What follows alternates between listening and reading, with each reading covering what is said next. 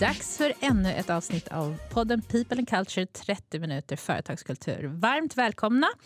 Idag tänkte vi prata eh, Egentligen Angela, det här blev en liten följetong på ett sätt.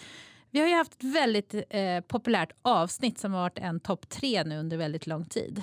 Ja, precis. Employer branding. Ja, och då kände vi med så här, men det verkar finnas ett väldigt stort intresse för ämnet. Men vi skrapade bara lite på ytan, eller hur? Ja, det, man kan ju prata jättemycket om det här, för det är ju inte, liksom, det är inte en 30 minuter show. Nej, exakt så. Exakt så.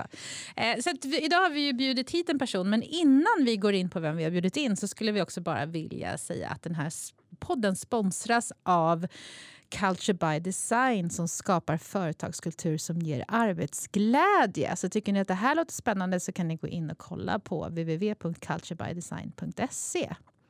Angela, vill du presentera vår gäst? Jag är lite exalterad idag för att vi har fått hit en oerhört klok person. Väldigt. Eh, det, är, det, är, nämligen så att vi har ingen mindre än Ann-Margret Mannerfelt här från, som är Employer Branding specialist på KSMG. Välkommen hit! Tack! Superkul att vara här, verkligen. Och äntligen ska vi få djupdyka lite mer. Jag tror att våra lyssnare också vill det. Eh, många har ju lite koll på employer branding och vad det handlar om. Men vi tänkte att vi skulle gå in lite mer på det här med EVP idag. Eh, något som jag vet att du jobbar väldigt mycket med. Eh, och få lite ja, men klokskap kring det, vad det är och, och lite grann hur man ska tänka och så vidare. Men kan inte du börja med, Ann-Margret, för de som inte känner dig? Vi känner ju ändå dig ganska bra. Men för de som lyssnar, kan inte du berätta lite din bakgrund? Hur kommer det sig att du har hamnat här och, och jobbar just med det här som fokus? Ja, men precis. Eh, jag har jobbat med employer branding i lite över 20 år. Så jag är jättegammal, brukar jag säga. men, ehm, eh, så att jag började jobba med employer branding innan begreppet egentligen fanns.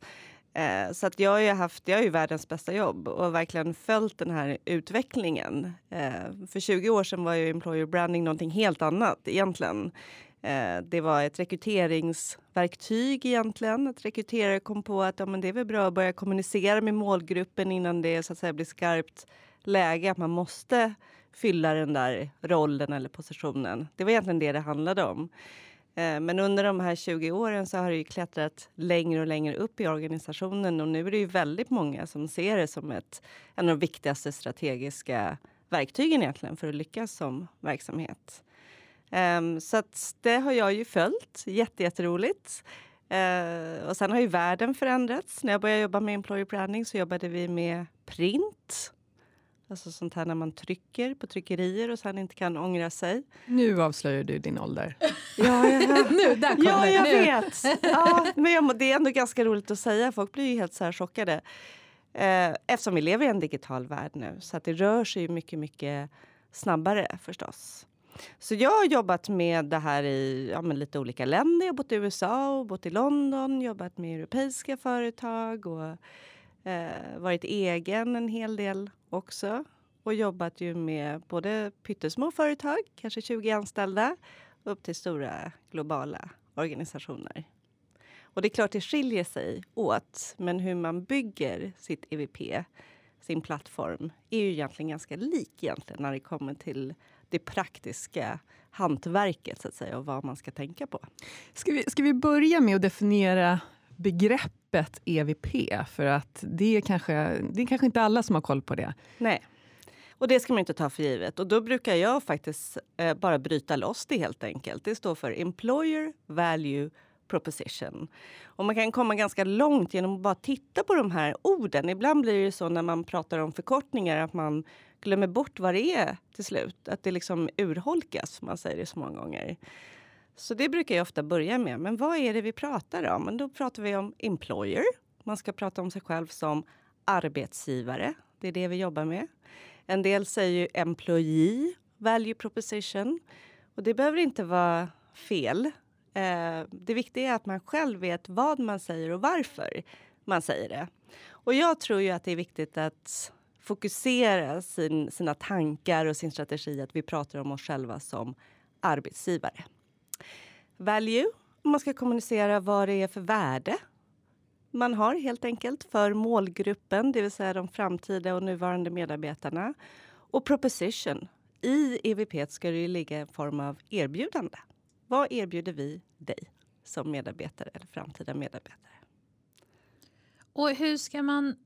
För det här tycker jag också just att... Ja, men, eh, det här låter ju jättebra om man kan skapa eh, eh, ett sånt här EVP då och kunna arbeta. Men, men hur funkar det liksom i praktiken? Vad är det man behöver göra för att det här inte ska bli massa fina löften om hur man ska vara som arbetsgivare? Liksom, var behöver man börja någonstans? Ja, men precis. Och det där tror jag är jätte, jätteviktigt. Det är väldigt många kunder som jag har, vi har på KSMG där vi egentligen börjar med att reda ut begreppen. Det finns ju väldigt många strategiska dokument och strategiska ramverk som man använder i en organisation. Eh, så då man, kan man ofta få frågan, men var ska vi ta fram ett EVP? Vi har ju precis tagit fram våra värderingar eller här har vi involverat medarbetarna och tagit fram vår vision och mission och det räcker nu framförallt ledningsgrupper kan ju bli så här, men herregud, ska vi gå in i workshops igen nu? Liksom, det räcker. Eh, så det gäller ju verkligen att förstå varför man har ett EVP och varför det är viktigt. Då brukar vi jobba efter fem kriterier egentligen när vi tar fram det. Eh, och krav egentligen som ställs på ett EVP som inte behöver ställas på värderingar. Eh, till exempel. Eh, och de kriterierna är fem. Eh, ett EVP ska vara sant, det vill säga spegla medarbetarupplevelsen. De kraven behöver man inte ställa på värderingar. Det skulle bli ganska klurigt om man gjorde det. Då skulle ju inga organisationer liksom kunna prata om framtiden och vart man är på väg egentligen. Ehm, ännu mer blir det, det när man tar det andra kriteriet som är särskiljande. Då kan man egentligen stryka alla värderingar och mycket vision och mission också. För då kan man helt plötsligt inte säga transparent, för det finns det andra eh, organisationer som säger, eller ödmjukt, eller respekt, eller proffs eller vad det nu kan vara. Det ska man ju Engagerad. Ha. Engagerad. Det ska man ju ha i sina värderingar om man tror på det, men det funkar inte att ha ett EVP. För ett arbetsgivarerbjudande så måste man kunna vara särskiljande och visa att det här erbjuder vi och inte andra eh, arbetsgivare. Eh, sen det tredje kriteriet att det ska vara relevant. Och det här är ju då förstås någonting som marketing och marknadsförare är bekanta med. Att verkligen lära känna sin målgrupp. Eh, men för HR så är det lite andra metoder och verktyg som man plockar in som man kanske inte använder jämt. Man jobbar och tar fram personas till exempel. Jätte, jätteviktigt för att fylla det här relevant-kriteriet. Eh, och sen det fjärde är att det ska vara förankrat. Så här blir det ju att titta på ja, men vad är organisationen på väg? Vad står vi för? Vad är vår varumärkesplattform ute på marknaden mot kunder och konsumenter? Och sen det femte kriteriet handlar om hållbart. Och den är lite intressant. Den kan vi kanske prata lite mer om. Um, men man vill ju ta fram ett EVP som fungerar som en kommunikationsplattform genom hela medarbetarresan uh, och som också håller över tid. Någorlunda. Förut så brukade jag säga att man ska titta på sitt EVP kanske var tredje år och se till att det fortfarande följer kriterierna sant, särskiljande, relevant, eh, förankrat. Men nu så är det nästan en gång om året, för det händer saker så snabbt. Så det är viktigt att man tittar till sitt EVP när man har ett på plats. så att säga. Jag tycker det är jättespännande, för vi brukar ju prata om, vi särskilja just när vi pratar företagskultur, hur särskiljer man det? För ofta då börjar folk prata också om värderingar och värdegrund och så vidare. Och vi säger att det är jättebra att man har någonting man strävar efter, men det är faktiskt inte kulturen. Kulturen är så som ni gör och det här är någon slags ett önskat beteende som ni vill få till. Att man särskiljer det. Och här pratar ju du precis om exakt det här att, eh, fast kulturen, det är det ni ska komma, ni ska hitta saker i kulturen egentligen som kan vara särskiljande och faktiskt relevanta och driva, skapa ett intresse utifrån er typ målgrupp. Um, så så skulle liksom, det, det, är spännande för, för man pratar just, um, när vi pratar employer branding, för vi kommer i kontakt med det hela tiden också, då är det just det, men, men ni måste ju liksom, ni måste jobba inifrån och ut. Och det vet jag att du ja, pratar mycket verkligen, om. Verkligen, att det där första kriteriet är ju kanske det viktigaste. Det handlar ju, man kan ju aldrig liksom sminka grisen. Man kan ju aldrig berätta, säga någonting som inte är sant. Om man jämför med för 20 år sedan. Det var ju inte särskilt smart sätt att eh, jobba och berätta någonting som inte var autentiskt och speglade medarbetarupplevelsen. Men idag är det ju liksom omöjligt. Man kommer ingenstans om det man säger inte är sant. Eh, sen är det klart att man ska ju liksom plocka in de olika perspektiven när man jobbar med ett EVP. Så att medarbetarupplevelsen är ju den viktigaste. Det är alltid väldigt roligt att säga till ledningsgrupper. Ja, ni är jätteviktiga, men era medarbetare är viktigare. um, Men det är klart att man måste plocka in ledningens perspektiv också. Och ibland så kommer det ju diskussioner där det är så här, ja men vi vill ju våra framtida medarbetare ska ha en liten annan profil än de vi har idag. Hur gör man då i sitt EVP? Och det är klart att man kan prata om sina aspirationer eller vägen dit. Men det gäller att vara väldigt ärlig. Då måste man formulera sig i att vi vill komma hit. Vi kämpar för att komma hit och gärna berätta om utmaningarna på vägen. För det skapar en trovärdighet att det här kan vara tufft. Det där är kul, för det brukar jag prata om på, på utbildningen. just där att med att jag brukar säga våga slå på stora trumman. Alltså att våga, för jag ser inte det så mycket, att man vågar gå ut och vara transparent och ärlig och säga så här, vi ska hit bort nu ska vi börja vår resa. Att man kan, man kan faktiskt gå ut och våga säga det. Så länge man är ärlig och transparent och säger så här, vi vet att vi inte är här nu, men vi ska ta oss dit. Vill du vara med på den resan? Alltså, det kan ju trigga en del, tänker jag. En del Verkligen. människor kan gå igång på att få vara med och vara med och påverka och utveckla sin arbetsgivare. Verkligen. Och det som man inte kan påverka, som vi hade till exempel eh, ett företag som vi gjorde ett EVP för som har ett ganska tufft jobb, många av dem. Och det sa vi i EVP. Det här jobbet är tufft, men det finns en gemenskap och vi stöttar varandra. Och det gick ju jättebra förstås. Och för alla medarbetare, det var ju som de nästan drog en lättnadens suck. Liksom. Men lite så här, de förstår. Ja, alla förstår. Så skönt! Eh, så att, ja, men det, att vara liksom ärlig, det är super, super, super viktigt. Annars kommer man ingenstans. Men man kan också prata om ambitionerna och vägen framåt. Och sen det, när man liksom tittar på sitt EVP oftare nu. Eh, om man har ett existerande EVP så är ju min, mitt råd att verkligen titta på det och se, följer det de fem kriterierna? Om man tittar medarbetarupplevelsen, den kan ju definitivt ha förändrats, framförallt nu efter corona. Eh, och i tuffa tider, det är liksom krig där ute. Eh, och då ser vi i andra kriser, om man tittar, det var samma sak 2008-2009, men det var finansiella kriser då, att när det kommer till kriser då blir trygghet jätte, jätteviktigt. Så nu på något sätt så står ju arbetsgivarna i att man måste erbjuda flexibilitet. Och då ska man helst inte bara säga flexibilitet, för det har blivit ett sånt tomt ord som sägs för ofta, utan vad är flexibilitet för oss och framförallt vad är det för våra medarbetare? Flexibilitet är jätteviktigt. Och trygghet är jätteviktigt samtidigt också. Och ledarskap är jätteviktigt. IT-målgruppen, där ser vi att ledarskapet har blivit jättemycket viktigare efter corona.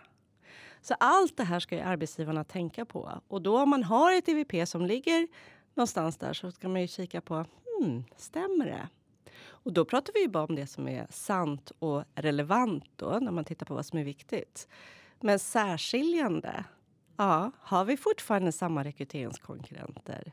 Eller är det så att det dykt upp andra företag som våra medarbetare kikar på eller våra potentiella medarbetare? Förankrat. Ja, men så fort företaget eller organisationen ändrar sitt erbjudande eller sitt övergripande varumärkesplattform då måste ju vi som jobbar med employer branding se okej, okay, men är det här fortfarande förankrat i vad vi säger som organisation? Och det vet vi alla, tror jag att saker, det är bara omorganisationer hela tiden. Vi ska dit, vi ska dit, vi ska ändra så här, vi ska göra så här. Vi ska... Och det där måste man ha koll på så man följer de där kriterierna och har den här starka plattformen som man ändå ska utgå från i all arbetsgivarkommunikation. Kan vi inte prata om det femte steget lite mer? För det kan ju kännas väldigt eh, luddigt för många när man pratar. Hållbart kan betyda så otroligt mycket mm. saker. Vad mm. menar mm. du när du säger att det ska vara, ett EVP ska vara hållbart? Ja, men här gäller det ju att titta på men vart är företaget på väg? Eller organisationen på väg? Vad vill ni vara om tre till fem år? Om det är så att det är ett teknikföretag till exempel där man vill att de här tekn tekniskt kunniga människor också ska vara konsulter Alltså stackars dem för övrigt. Jobbigt att göra den förflyttningen. Eh, men om man vill det framöver, då måste man ju prata på det sättet också. Eh, så att man pratar konsultaktigt om det är dit man ska. Eh, eller, och det här kan ju bli så här, ja, det, jag har ju världens roligaste jobb. Bara liksom uppstarten på projekt Om man då säger så här, ja, men vart vill ni? Ja, men vi ska växa i Asien. Okej, okay. det, det måste vi prata om. Då är vi ju inte ett europeiskt företag. Um, så det är liksom sånt som man kikar på. Och sen är det ju jätteviktigt hållbart och förankrat. De kriterierna sitter ju ganska mycket ihop egentligen. Rent praktiskt så får man in det vi behöver på, från ledningsgruppen egentligen eller strategiska dokument som man läser på i början.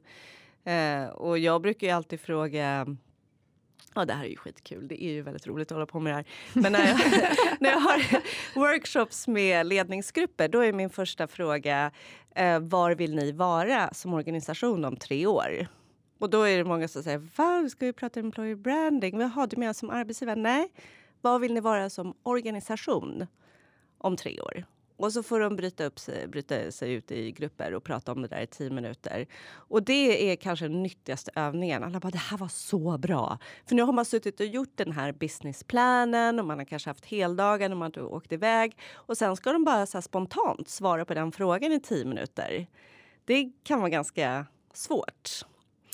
Eh, och så sen då när de har pratat hur de, vad de ska vara som organisation om tre år så kommer ju då nästa fråga. Vad betyder det att ni ska vara som arbetsgivare om tre år?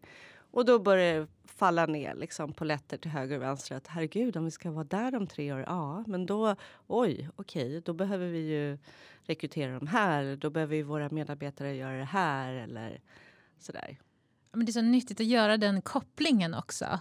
Och det är just det här, även kopplingen som vi brukar prata om mycket, just det här, men om man har, man har en businessplan, man behöver ha en people plan och man behöver ha ett EVP som hänger ihop med allting. Att man kan inte förvänta sig att bygga någonting, ett erbjudande som inte håller sen om några år. För då har man ju byggt upp hela processer, strukturer och erbjudanden som troligtvis inte kommer hålla om man inte har tagit hänsyn till hur ser vi ut då? Vad är det för typer av bolag? Eller som du säger, om det blir mer konsultinriktat eller vad det nu än är. Precis, och som i affärsplanen också, man satt upp kanske oftast ganska järva mål mot vad, vad, liksom, vad man vill åstadkomma. Och vad betyder det då? Vad behöver vi från våra medarbetare för att nå dit? Den frågan tycker jag är intressant och det är inte så många som går, börjar reflektera kring det. För ofta så kräver vi kanske lite mer. Alltså det kräver att man liksom kanske behöver ja, men på, på topp. Ja, och hur verkligen. ska vi få till det? Liksom? Ja. Verkligen. Och också de mjuka värdena, som jag läste någon artikel att, om någon, som någon som skrev, kan vi bara sluta prata om mjuka värden? För det är de mjuka värdena som spelar roll. Uh, ja, det var ganska skönt. Men um, det är jätte, jätteviktigt och jag menar det är liksom War for talent, det är ju inte över liksom. Så att om man vill ha den här nyckelpersonen som ska få oss att komma dit vi vill, om, som man då vill ha på plats om två år, men då är det dags nu att liksom börja leta efter den personen eller börja kommunicera att man vill ha den typen av roll i sin egen organisation. Men hur använder man sitt EVP? Då? Om vi går lite mer på liksom vad, hur kan man nyttja det? Hur kan man använda det när man har jobbat fram det? Det blir en fin produkt i skrivbords. Ja, men exakt. Den här, är det, är det en affisch man har sen? Som man ja, exakt. precis. Man sätter upp lite ord på väggarna och hoppas på det bästa. Bra, okay. ja, hur lätt som helst. Nej men, eh, nej, men implementeringen är super, superviktigt. Verkligen. Och det är så och jag ska egentligen bara lägga till det med hållbart också. Att i hållbart ligger också ett väldigt så här, praktiskt agerande. Att om det ska vara hållbart då ska man gärna sätta upp just den här implementeringsplanen långt framöver också. Hur ska vi göra med vårt EVP på sikt för att få det levande? Ska vi titta på det en gång om året? Vilka ska titta på det en gång om året? Ska vi titta, ha ledningen som tittar på det? Vilka ska använda det? Så man har liksom en plan för sitt EVP. Eh, men ja, ett EVP i byrålådan det är ju bland det sorgligaste som finns. Det är liksom... Ja, men det är så tråkigt på så många olika sätt. Här har man gjort en investering i pengar för att ta fram ett jätteviktigt eh, dokument och jätteviktigt verktyg som man bara kastar bort. Då kan man lika gärna kasta de pengarna på någonting annat, tänker jag. Eh, och sen är det väldigt sorgligt för medarbetarna. Om man gör ett EVP enligt konstens alla regler, då har man engagerat massor med medarbetare. Helst alla medarbetare om man kör enligt KSMGs metod som då inte får någon feedback. Eh, nej men alltså det är samma sak med medarbetarundersökningar egentligen. Det brukar ju ni prata om också. Att man kan inte bara göra en undersökning som man sen inte gör någon återkoppling till medarbetarna. Det är ju självmord som liksom, organisation. Ett långsamt självmord i alla fall. Ett långsamt självmord, mm. ja. Eh, nej men så det, det är liksom dumt på alla möjliga olika sätt att ha ett, ett EVP som man sen inte aktiverar och implementerar. Men sen hur man gör det, det är ju inte så lätt. Eh, min rekommendation det är att börja internt med implementeringen.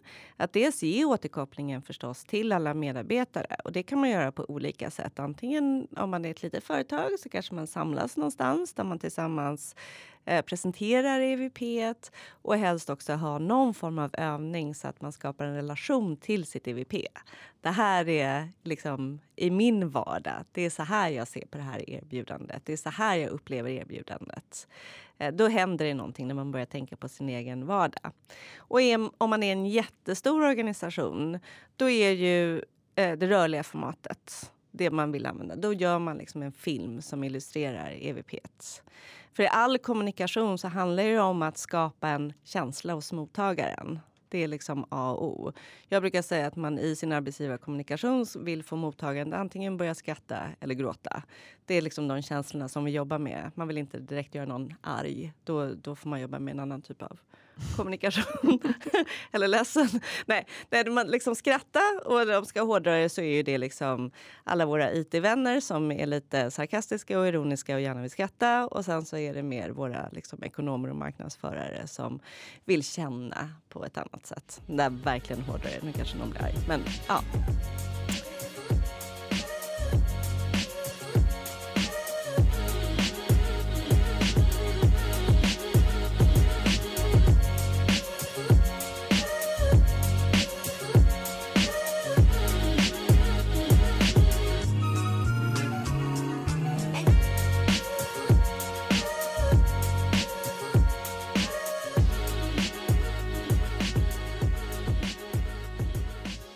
Men, jag tänker, förlåt att jag sticker in, för att vi vet, vi har många led, företagsledare, vd som lyssnar på den här podden och, och, och jag tänker, sitter de och lyssnar på det här nu och kanske första gången de egentligen hör begreppet eh, eller har hört men inte riktigt men förstått nyttan. För jag tänker lite mer, varför ska man investera i det? För vi pratade, nu pratar du lite fråga. implementeringen, men why? Liksom. Alltså jag tror att många tänker employer branding, de allra flesta stora massan pratar jag om nu, tänker nog employer branding som att vi lägger upp på LinkedIn lite bilder när vi har kanelbullens dag och någon fyller år och eller vi öppnar ett kontor så verkar vi vara en jättetrevlig arbetsplats och där vill jag jobba. Då tycker de att de har gjort så man anställer lite en content-person kanske som sitter och bara...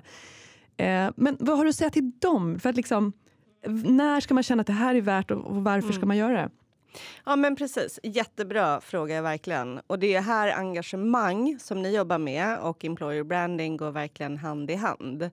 Eh, för någonstans är det ju så att för att det ska gå bra för eh, verksamheten så måste man ha med sig medarbetarna och de måste vara engagerade och tro på det de gör. Det, är liksom, det tror jag att de flesta är med på eh, nu. Och hur skapar man de här förväntningarna och möter man de här förväntningarna som att man blir engagerad. För det ligger i förväntningarna.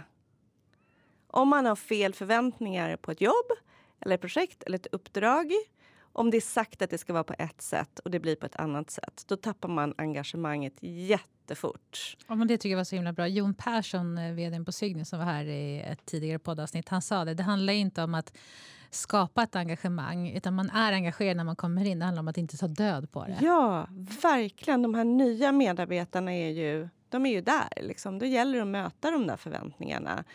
Eh, och att man har liksom sagt sanningen från början, i början på medarbetarresan. Eh, och hur gör man allt det här? För man kan ju inte bara säga ja, men då, då sätter vi förväntningarna. Och ja, då infrias de. Det måste ju ske genom kommunikation.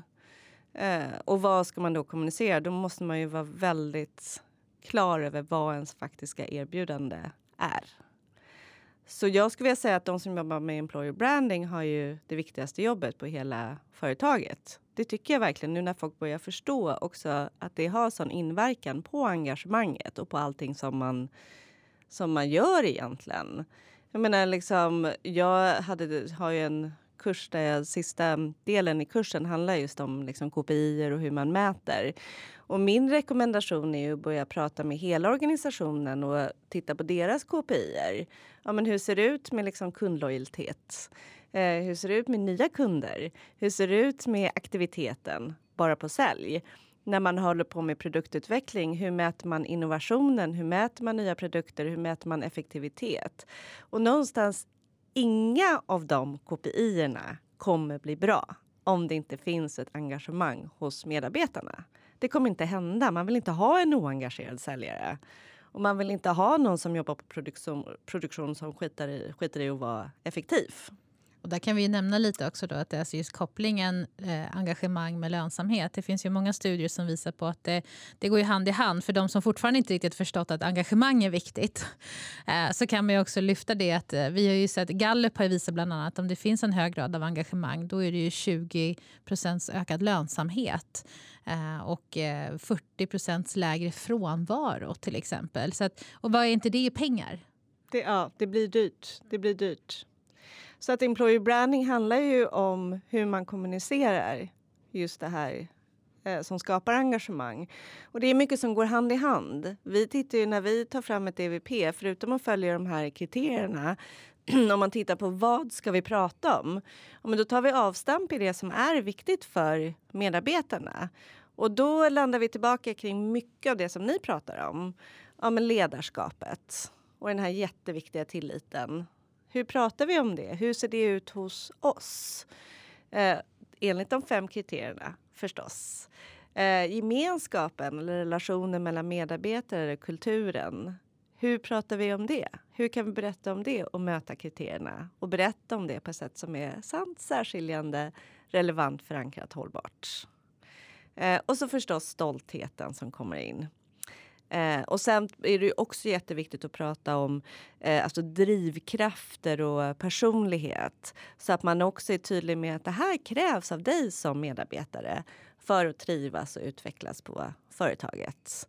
Eh, för om man pratar om liksom den externa employer branding när man använder eh, EVP för att gå ut och eh, skapa eh, awareness, alltså kännedom eh, och så småningom engagera och rekrytera nya medarbetare Eh, då är det ju viktigt att vara ärlig, inte bara för att skapa rätt förväntningar men också att de som inte egentligen passar in kanske faktiskt till och med struntar i att ansöka. Eh, och den delen är jätteviktig och för många lite läskig och för många HR svårt att förklara för marketing. Om man är ett konsumentföretag så vill man ju ha jättehöga siffror överallt. Och då gäller när man jobbar med employer branding och säga att vi är inte ute efter höga siffror uppe i kännedomsfasen utan vi är ute efter att få in rätt målgrupp. Och det kan man ju verkligen rikta nu också tack vare social media och allt digitalt. Att man hittar sin målgrupp mycket snabbare än vad man gjort tidigare. Jag tänkte på det där också. Jag fick en liten så här aha eh, nu när du säger det här att ja, men medarbetare att de ska passa in, liksom att det är rätt eh, profiler och kompetenser. Så där. Apropå det där med att använda det där kriteriet särskilja sig där kommer det ju verkligen in. Att också tänka på så här, med vilka profiler, vilka personer kommer tycka att det här är kul och vara med på den här resan dit vi är på väg. För det pratar vi mycket om just där i annonseringen när man skriver att ja, men det, jag såg faktiskt idag på LinkedIn så var det någon som hade skrivit, hon hade sett en annons där det var 38 kriterier ah, på vad som krävs av personen men det var bara tre om vad den får, what's in it for me. Och då tycker jag det var så himla intressant just det där att vi, nu när vi skulle prata om det här sen att, att ja, men va, hur, hur säkerställer man att man får in rätt personer som vill vara med på den typen av resa som bolaget ändå ska göra då närmsta tre, fyra åren då, om man tänker hållbart och så. Men här gäller det att känna sin målgrupp på riktigt. Eh, så man går tillbaka till sin people plan som ska utgå från sin från ens businessplan förstås som vi var inne på. Vilka personer behöver vi behålla? Vilka behöver vi rekrytera? Eh, och när man har kommit fram till det, då räcker det inte bara att veta det utan då måste man lära känna de här personerna för att vara relevant i sin kommunikation. Eh, och då, då, det är det här personas kommer in. Eh, och eh, det finns ju så många, jag brukar också börja mina begrepp och bara slänga upp så här. Employee journey, personas, content marketing, testimonial. Alla de här orden som bara så här, wow! Det, det, här ska vi kunna. Och det är så här, men eh, skit i det liksom. Gå in och äg de begrepp som du tycker är nyttiga för dig. Och ofta så är det det som är det absolut viktiga. Att bestäm dig för vilka verktyg och vilka termer du vill använda. Definiera dem så de är glasklara vad de betyder för dig själv. Och sen gå ut i organisationen och säga så här jobbar vi med personas. Så här definierar vi personas. För det finns så många olika sätt att göra saker och ting på. Det viktigaste är bara att bestämma sig för det här gör vi. Och sen så just att för att få det egna business caset internt eh, att fortsätta prata om det i ganska korta termer helst. Jag menar, det finns en anledning till att politiker och framgångsrika vd säger typ samma sak om och om igen hela tiden. Eh, det ska vi också göra med employer branding för att verkligen sätta eh, vår riktning eh, och vara tydlig med den mot oss själva och resten av organisationen. Nu vet inte jag om jag blandade bort mig här på frågan. Det nej, gör nej, ingenting. Nej, jag tror inte det. Jag, så, ja. Men, men jag undrar, har du något, har du något så EVP som du tycker väldigt mycket om eller något som du kan ta som ett exempel? Finns det något sånt där som du för mm. jag tänker dela med lyssnarna, bli lite mer konkret för dem kanske och höra hur kan ett EVP se ut? Ja men precis och då, ja, vad ska jag välja egentligen? Eh, vi har ju tagit fram eh, Securitas CVP som de använder flitigt i sina annonser. Eh, och den är väldigt bra. Den är väldigt ärlig. Eh, deras eh, liksom övergripande EVP, för man bygger ju ihop olika områdesbudskap. Och sen så har man ett övergripande budskap som är som en slogan, eh, slogan eller sign-off. Eh, och sen brukar vi också skriva i, i liksom deras employer branding story. Eh, så Securitas har det här för alla eh, sina områden och där i arbetet så hittade vi att trygghet är nyckeln på så många olika sätt. Dels så är det en väldigt stor och trygg organisation eh, som tar mycket ansvar för sina medarbetare som kanske alla deras rekryteringskonkurrenter inte lika självklart för deras rekryteringskonkurrenter. Och nu när jag säger rekryteringskonkurrenter så vill jag tydlig med att det inte är de vanliga bara konkurrenterna i branschen utan de rekryteringskonkurrenterna som vi hade definierat, det vill säga de som jobbar där. Var skulle de möjligtvis annars kunna jobba? Eh, så det finns en trygghet i organisationen och att de tar ansvar som arbetsgivare. Men sen naturligtvis så finns det en så är ju jobbet trygghet. Att skapa trygghet för andra människor, det är det man jobbar med där. Eh, så deras eh, övergripande budskap är då vi är trygghet, vi är Securitas. Eh, som blev, alltså det finns en stolthet hos medarbetarna för det här. Och det är också det som liksom var rådet då till dem, det är att gå in och äga att de är ledande i branschen. Att man säger gärna eh, Securitas vakter även liksom om allt möjligt och att de då går in och liksom äger det. De har funnits längst i branschen och sådär. Så det är ett exempel. Eh, sen så ett företag som jag tyvärr inte har som kund är eh, GE Healthcare, ett stort globalt företag. Och de följer jag flitigt. Eh, de har ett jättebra EVP. Ehm, e Men de har en plattform som blir väldigt tydlig i allt från deras karriärsida till annonsering till filmer de kommer ut med. Eh, så de skulle jag verkligen rekommendera att följa. Eh, mm. Ja, kul. Spännande. Ja. Eh, jag, en fråga till, jag vet inte om du vill flika in en fråga också Therese, nu bara bombar jag här. men, men jag tänker på, vad, vad skulle du säga, finns det något läge när det är som bäst, att, alltså när ska man börja jobba med sitt EVP? Finns det något sånt? Liksom så här, nu är vi 30 personer eller nu ska vi liksom... Har du något, något, något råd om som sitter och funderar på är vi redo, är vi mogna och så vidare? Ja, och där skulle jag nästan rekommendera att om man är liksom 20 pers och är tillväxtföretag som man planerar att bli dubbelt så stora inom några år. Då skulle jag eh, rekommendera att man börjar med att ta fram ett så kallat EVD, det vill säga Employer Value Definition. Det vill säga att man identifierar ens erbjudande eh, inom ledarskap och organisation, inom gemenskap. Man definierar vilka drivkrafter och personligheter som behövs och man definierar gemenskapen. Men mitt råd där är att faktiskt vänta med att ta ut det kommunikativa budskap. Utav den anledningen att det är väldigt mycket som förändras och sätter sig under den tiden.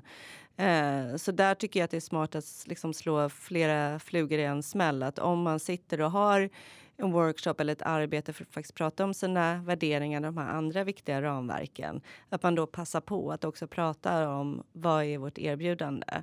Utav den anledningen att man vill kunna vara lite mer liksom flexibel innan man sätter de här kommunikativa budskapen som i ärlighetens namn ju också är en investering, i både tid och pengar som kan kännas lite dyrt för om man är 20 pers. Eh, man kanske håller på att sätta sin varumärkesplattform just nu. Den ska gärna finnas på plats när man liksom börjar gestalta och ta ut eh, erbjudandet. Så det är min rekommendation att börja jobba med de här områdena och enligt liksom de fem kriterierna se vad det är vårt erbjudande, men att man väntar lite grann med att eh, ge det vingar så att säga i sin kommunikation. Ehm, det skulle vara mitt råd. Tack så jättemycket Angela. Nu ser jag till och med att nu har vi gått över den här halvtimmen alldeles strax, eller till och med lite mer. så. Tack snälla för att du kom hit och delade med dig. Jag tycker det har varit ett väldigt eh, konkret avsnitt. Verkligen. Uh, och um, Jag tänkte på en sak också för er som lyssnar. Uh, ni kanske fångade upp där att Angela, du pratade ju faktiskt om ut, din utbildning, eller vår utbildning. För er som inte känner till så har vi en utbildning i strategiskt kulturarbete där man behöver göra det här förarbetet för att sen kunna bygga ett väldigt värdefullt EVP. Och Ann-Margit, du har ju utbildningar i det här också. Ja, men precis. Jag har uh, en utbildning som heter Knowledge Builder där man då jobbar med de fem stegen i employer branding. Eh, och det är, jag måste ju säga vilka de är. Det, då tittar vi på hur man gör en strategi, hur man gör en people plan, hur man bygger en strategi för employer branding. Vi pratar om målgrupper i den andra. Vi pratar om content i den tredje. Vi pratar om aktivering i den fjärde och vi pratar om hur man följer upp och mäter i den femte delen. Jättebra. Och för er som lyssnar har ni frågor till Ann-Margret så är det bara att ni mejlar in till hello at culturebydesign.se.